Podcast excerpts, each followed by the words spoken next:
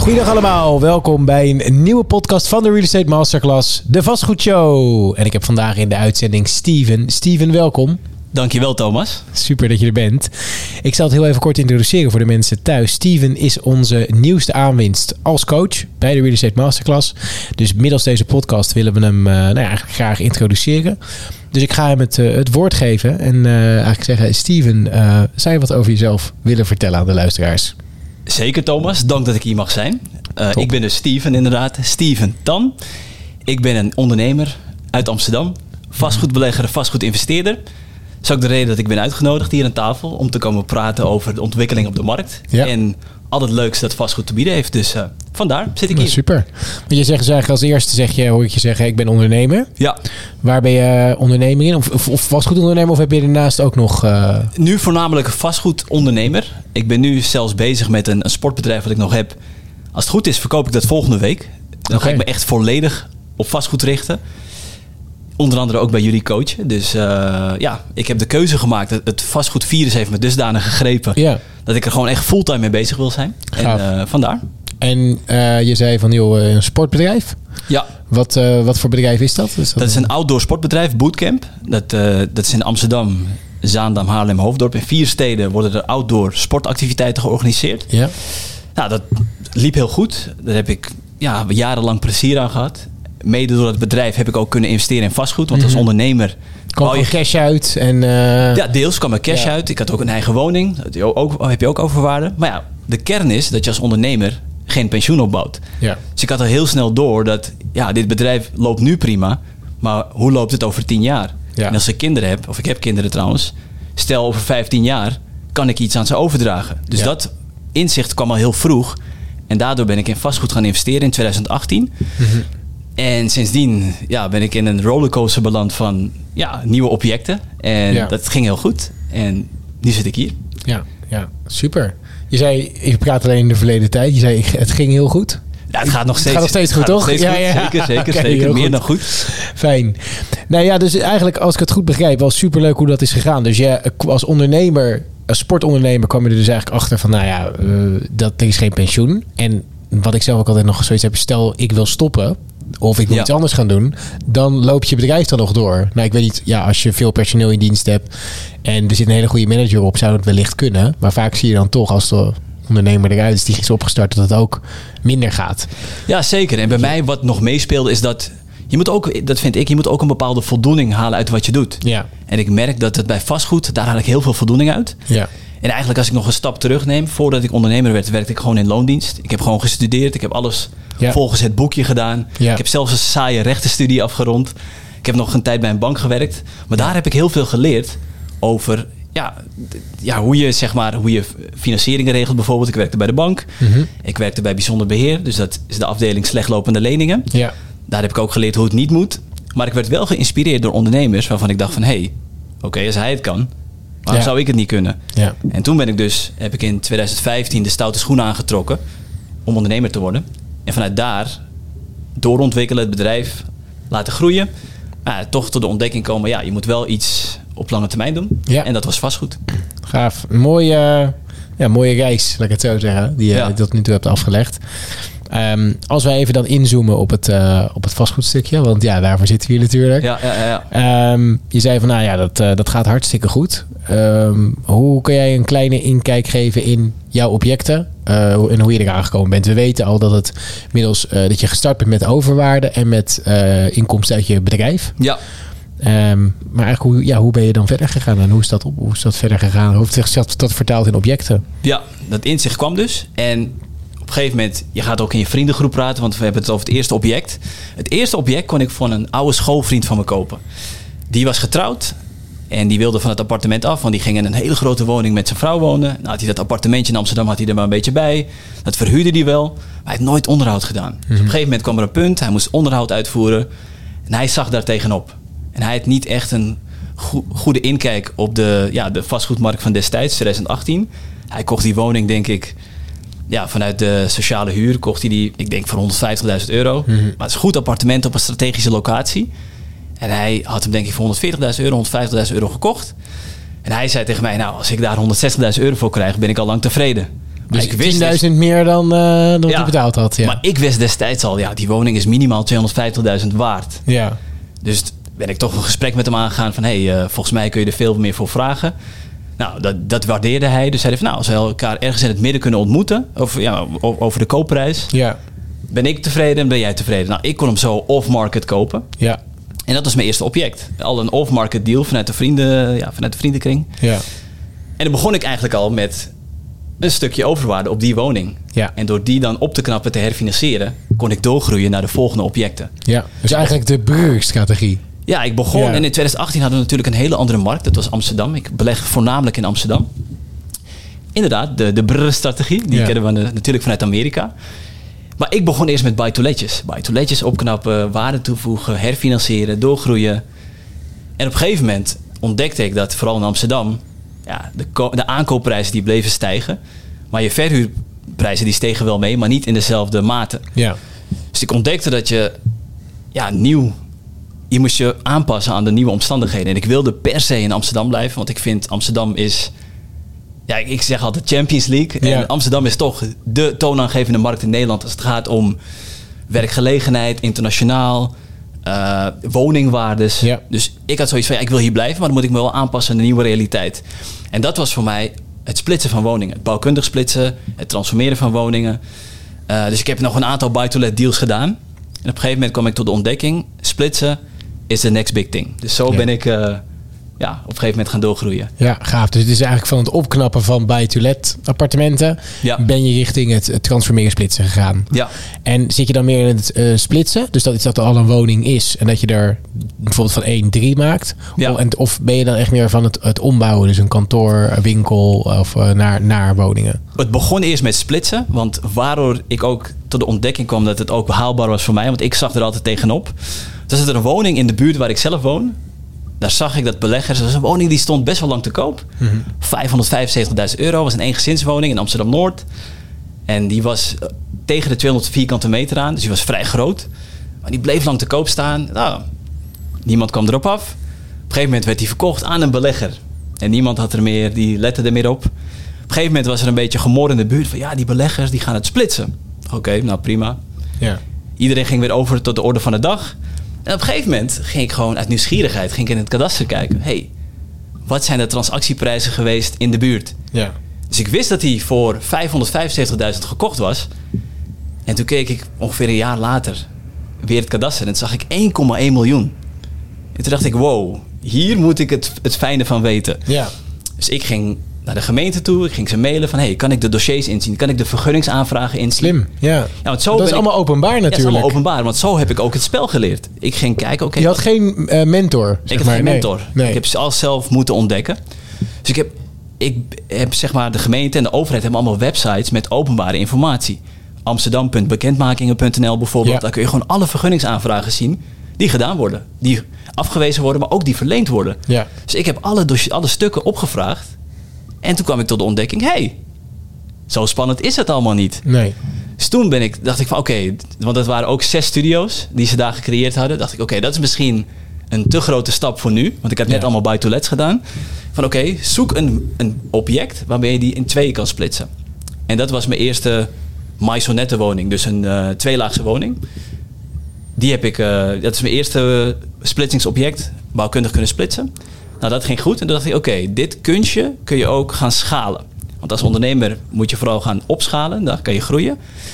En ik dacht van ja, in het vastgoed moet je ook gaan opschalen. Wil je er echt ja, een goede boterham aan verdienen. Ja. Dus toen ben ik ook dat spel gaan verfijnen. Van twee naar meerdere. En om je vraag ook nog concreet te beantwoorden. Dus ja, ik, het begon met splitsen. Maar nu begint het ook met gewoon echt het Ja. transformeren van een pand. Bijvoorbeeld in, in Haarlem hebben we een oude drukkerij. Waarvan we de bestemming ook wijzigen naar, naar wonen. Ja. We hebben, hebben een twee delen gedaan. Hebben we dus eerst eh, hebben we vijf huisnummers gekregen. Ja. een pand van 405 vierkante meter. En daar proberen we nu extra woningen en een opbouw aan de achterkant te krijgen. Dat we 200 vierkante meter erbij kunnen krijgen. Dan heb je Mhm. 600 vierkante meter. Ja. Proberen we 11 eh, woningen te maken. Maar Ja. dat, dat, ja, dat, dat is nog, eh, we zijn nog in gesprek, laat ik het zo zeggen. vet. Ja, want ik zit nu al een beetje inderdaad ook op dat punt. Ik heb dan nu ben bezig om te splitsen in drie, wat ik Ja. heb verteld. Eh, ik ga aanstaande woensdag kijken bij een pand in Delft. Dan gaan we van naar vijf. Ja. Maar als je gaat splitsen, dan, naar mijn mening, kan je eigenlijk nooit meer dan vijf woningen creëren of zes. Want dan heb je de gemeentelijke regels die zeggen je moet. Elke woning moet minimaal 50 vierkante meter zijn. Ja. En huizen zijn niet gauw meer dan 300 vierkante meter. Ja. Kantoorpanden kunnen natuurlijk 5000 vierkante meter zijn. Dus Ja. Ik, ik denk ook van eh, het transformeren, daar ben ik ook achter gekomen, ik weet niet of je dat met me eens bent, is eigenlijk net even wat moeilijker dan splitsen. Klopt. Eh, splitsen is ook een relatief eenvoudigere vergunningsaanvraag. Zeker, zeker. Ja. Ehm, en het is al in het pas binnen het bestemmingsplan. Dus je hebt Ja. het bestemmingsplan wonen en je gaat er ook wonen. En bij eh, transformeren is het vaak bestemming werk of, wi- of winkel. Klopt. En dan ga je er ineens wonen. Dus dat is. Maar volgens mij is dat ook niet. En daar moet ik me dus meer in gaan verdiepen. Maar dan kan ik misschien ook van jou leren. Vind jij die vergunningsaanvraag dan ook echt complexer? Eh, je bedoelt van transformeren in Van vergelijking transformeren in vergelijking met splitsen. Omdat. Het is in die zin, vind ik het persoonlijk hetzelfde. Het enige is dat de, de trajecten wat langer duren. Ja. Dus met de gemeente Haarlem zijn we nu echt al, denk een half jaar bezig. Terwijl met zo'n, met zo'n bouwkundige splitsing, ja, die kan, ik al uittekenen. Twee, drie maanden kan je dat. Ja. Ja. ja. ja. Acht weken, eh beslistermijn. En dan kun je eventueel nog een eh, uitstel, of dat ze zeg maar de, de beslistermijn verlengen met acht weken. Ja. Dus binnen 16 weken, ja, meestal binnen, tussen de 8 en 16 weken weet je waar je aan toe bent. Ja, precies. En En, met- eh, als je binnen die regels blijft, hè, dan vaak lukt het wel. Ja, zeker. Eigenlijk. En dat vind ik mooi aan Amsterdam als ja, toonaangevende gemeente. Ja. Op de website van Amsterdam kun je eigenlijk al vanuit het, de huisvestingsverordening zie je eigenlijk alle eisen al. Ja. Die staan gewoon panklaar op de website. Precies. En als je gewoon binnen de lijntjes kleurt, Ja. weet jij dat je je vergunning krijgt. En dat vind ik het zo mooi in Amsterdam. Je, kan, je hebt redelijk snel duidelijkheid. Er is een segment waar nog niet heel veel beleggers zich op richten. Mhm. Want de eerste waar wij dus bijvoorbeeld zes studio's maakten, dat was een pand, stond bijna een jaar op funda. Ja. Want die heb ik met een compagnon gedaan. En wij, ik dacht van ja, dit kan niet. Waarom zit er geen enkele andere belegger? Waarom is die niet in de race om deze woning te kopen? Ja. Ik- wij dachten er moet een addertje onder het gras zitten, maar die was er niet. En daardoor merkte ik dat ook op dat soort objecten er heel weinig concurrentie is. Ja. Iedereen kijkt naar buy to let. Iedereen kijkt naar buy to let en eh, allemaal onder de 2 ton. Nou, dat is dus nu al heel moeilijk. Dus dan wordt het onder de 2,5 ton. Ja, Eh, daar zitten de starters, daar zitten de, de, de beleggers, eh, maar ook rijke beleggers. Ja, zeker, maar ook zeker. wat minder rijke beleggers. Gewoon mensen die, die bijvoorbeeld inderdaad eh, 50.000 euro die met maximale financiering één pand kopen. Maar ook beleggers die met 5 ton, die, die willen ook die woningen vaak hebben. En Ja. inderdaad, de, de, de woningen die je gaat splitsen of transformeren, die, die zijn natuurlijk meer eerder tegen het miljoen aan. ja, ja. Ja, daar, of mensen hebben er de tijd niet voor, of die durven het niet, of de kennis niet. Eh, en daar heb je ook geen, eh, daar heb je ook geen andere kopers van mensen die er willen wonen. Ja, die Ja. heb je allemaal, die groep is veel kleiner. Ja, ja, ja. Ja. ja. Ja, en daar zit dus nog een hele grote kans. Ik denk niet alleen in Amsterdam, maar ik denk in Nederland. Want buy to let is rela- rela- relatief eenvoudig. Ja. En dan zie je dat zeg maar hè, sowieso het instapniveau van bijvoorbeeld splitsingsprojecten en transformatieprojecten, het instapniveau wordt hoger. Jouw vaardigheden als belegger, daar wordt ook veel meer van je gevraagd om dat überhaupt rond te krijgen. Dus ik denk dat er ook eh, ja, mensen die willen beleggen in vastgoed zullen zich ook moeten aanpassen aan de nieuwe realiteit. Ja. Dus dat betekent dat ze ook hun juridische vaardigheden moeten opwijzen. Of in ieder geval, je hebt ook bureaus die je daarbij kunnen helpen. Maar dan komt het erop neer ook, is dat, ja, ja, dat je goed moet zijn in het verzamelen van de juiste mensen om je heen. Absoluut. Ja. Dus, eh, ja, zeker. Ik merk dat nu ook. En wat wel fijn is, is als je dat eenmaal hebt, dan Ja. geeft dat je ook vertrouwen. Dus Ja. nu ook voor mijn volgende project. Denk ik, oké, ik ga weer die architect vragen. En Ja. Ik ga weer eh, die, ehm, eh, die, die aannemer vragen, weet je. En, en, en, en je weet inderdaad, als je die regels goed kent van de gemeente, krijg je ook vertrouwen in de Ja. gemeente. ja, Eh, want soms, eh, als je naar het buiten die lijntje gaat kleuren, je krijgt een vergunning niet, dan denk je van shit, waarom eh, krijg ik hem nou niet, weet je wel. Ja. Maar op het moment dat je hem wel krijgt, dan denk je, oh, kennelijk als ik het gewoon netjes doe en ik lever het zo in, dan, dan lukt het. ja, zeker. En ik ben dan de persoon die ook altijd gaat nabellen.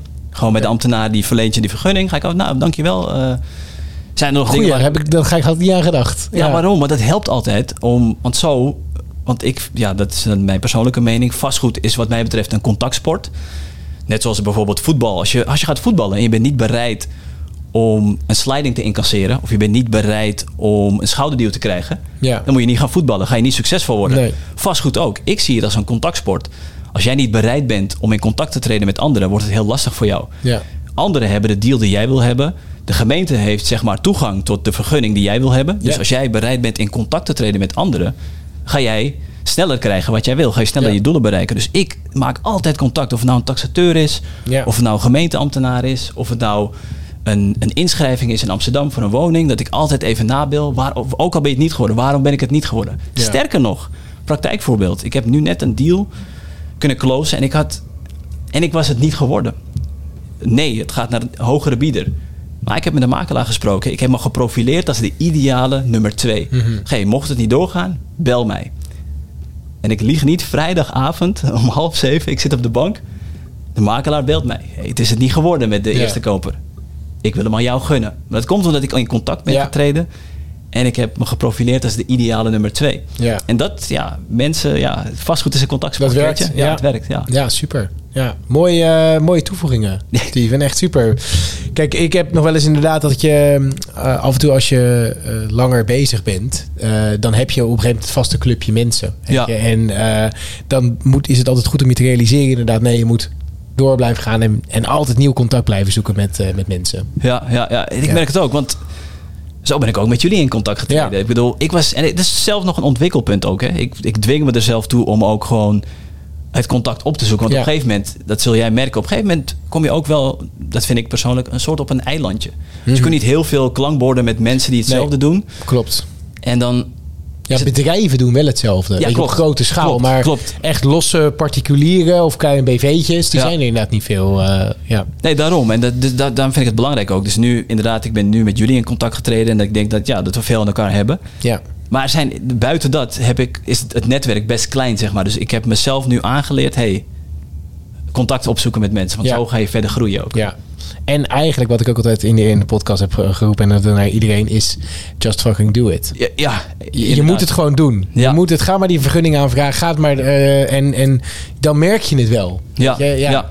En er is altijd een uitweg. Weet je, als je de vergunning niet krijgt, dan moet je een ander idee bedenken. Ja. Nee, klopt, klopt. Ja, ik denk dat we het ook hetzelfde zeggen in die zin. Ja, actie vind ik de enige bron van resultaat. Absoluut. Het is niet, ik ben niet veel meer, weet je, ik, het is niet dat ik heel veel meer geld heb dan mensen die net gaan starten.